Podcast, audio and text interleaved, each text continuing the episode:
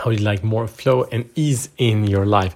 Maybe you're experiencing a lot of uh, resistance in different area like you're trying really really hard but then you meet resistance. Like why can i not just push through penetrate this resistance in your life? So this is the you against you week where we overcome the limitations of the old past limited you that you might be trying to optimize from the perspective of lack. And we support you to take ownership and win the battle of the old you with a new you that is the unleashed free version that is playing big. And we do this in the area of power. So we go through the, the four areas of, of power being physical, mental, emotional, spiritual. And so, if you didn't listen to the previous episodes, they are stacking upon each other. If you want immense, huge power, this week is really good stepping stone to take you to the next level of power. And now we're on the second day of physical power. So we go through the different aspects that creates physical power for you and um, yeah you get give something that creates huge amounts of flow. And this is a show the fuck up uh, podcast. And this is a show that frees men from the prison of playing small and create life beyond compromise of purpose passion power and profits.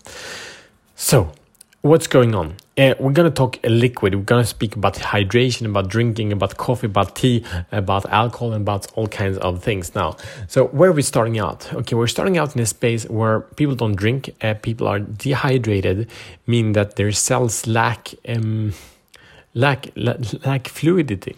So there is in a cell there is something called like aquaporin. It doesn't you don't need to know that, but anyway, it's, it's a function. It's like a tube. You can see it as a tube.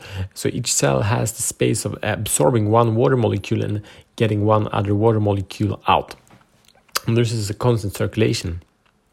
But the issue is that most people are actually dehydrated, meaning the cell don't have enough uh, water in them, and the body is is dry. That's what's happening. So um, and this happens really easily. Like we're very sensitive, and the rule is like if you're thirsty, you, you waited too long. You should actually never be thirsty. You drink before you get thirsty. It's not like with food. If you eat all this before you get hungry, you get really fat really quickly.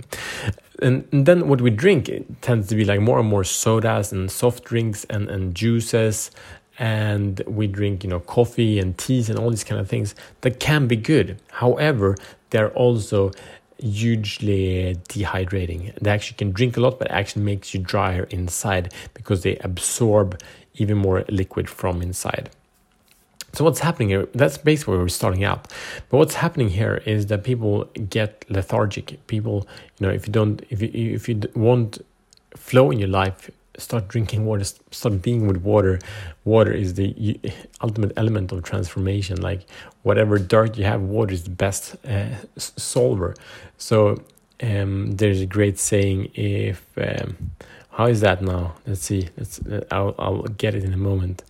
The solution to pollution is dilution, and the best way to dilute any kind of pollution is with water. And it can be emotional, physical, uh, mental pollution cleanse it with water. It's super powerful medicine. But the issue here is that we're dehydrated as a population, uh, and also the, the, quality of the liquids we drink are actually not good, even the water. So this is this results in getting a lot of toxins into the body and being constantly dehydrated, which lowers the immune system, uh, create depression and very low energy. And the cost of this, we know this, like the costs are kind of always the same.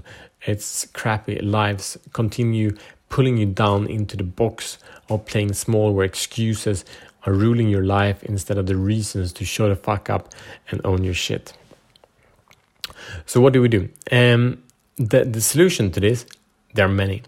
But first, like one thing is like, okay, we have the amount of liquids. We need to check in what, what are the amounts of liquids. Like uh, what's rec- recommend like two and a half liters. I've been for periods of time drinking five liters of water, and also I was drinking the best water ever. I, have been running a water bar in an old business venture, but that's a completely other story. But anyway, it's uh, it was great times. it was great times. I can I can tell you that much. Um, so we have the amount of water, and I also want to invite you to check in actually on the amount of pure water you're drinking. So if you drink like fruit juice, that's probably not good. If you drink like vegetable juice, that's okay. Like you do it more because the fruit juices have so much sugar in them, so they usually peak the blood sugar, creating a lot of other kind of less than perfect situation. Still, don't go like over anal here, but uh, check in what what are you actually drinking during the day? Like how much coffee are you drinking? How much how much other things are you drinking?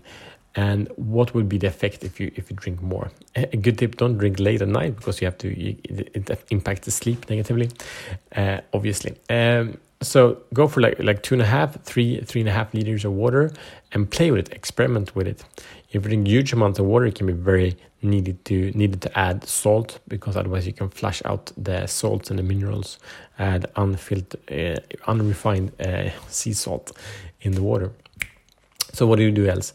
Uh, coffee. I love coffee. I'm a big coffee nerd and can't have enough. So when you drink coffee, tea, don't count it as liquid. I cannot say, okay, now I drank this, but I need to drink not only one but two glasses of water. Actually, a really good strategy is obviously to have like a, a, a big uh, container of water and drink one, two, three. Keep the count on that. Okay, what else? Alcohol. Uh, I just had was I don't drink much. Like a couple of times a month, I have some glass of wine uh, or or two. I had a whiskey uh, one glass of whiskey this weekend and shit i felt tired the day after. So what are the, the, the drinks you're drinking making you feel? Do you know that? Again we spoke about it yesterday. Are you even aware of how the impact of how your life in the area of, of power actually affects you? Are you in charge of these different elements or are they more randomized? So the challenge here if you choose to accept it find your baseline. What works for you? What's the ideal thing for you? Just you know again experiment. I don't have the answers. Experiment if you do it once a week. If you do an experiment for, for a week of drinking more water decreasing the other things how will that make you feel? If you eliminate sodas if you up the water instead and drink three liters a day um, and and do that for a week how will you feel? I don't know you know, experiment that. If you drink a lot of sugar stuff, a lot of coffee, you might have some withdrawal system. You don't need to quit the coffee, you don't need to quit the teas or whatever it is, but cut it down increase the amount of water, and you will experience more flow, physical and mental, emotional, and spiritual. So that is it. And if you want to track your your intake, actually not the water, we don't have that on, on Life Master Planner. Yeah, we do. Yeah, we do. Sorry, we do. Let's see what does it say here glasses of water. That's how we measure it. How many glasses of water? We track that every day on the Life Master Planner. Uh, so check that out. Get it. It's free download in the show notes. This is a tool to make you master your life, live a life beyond compromise. See you tomorrow as better men.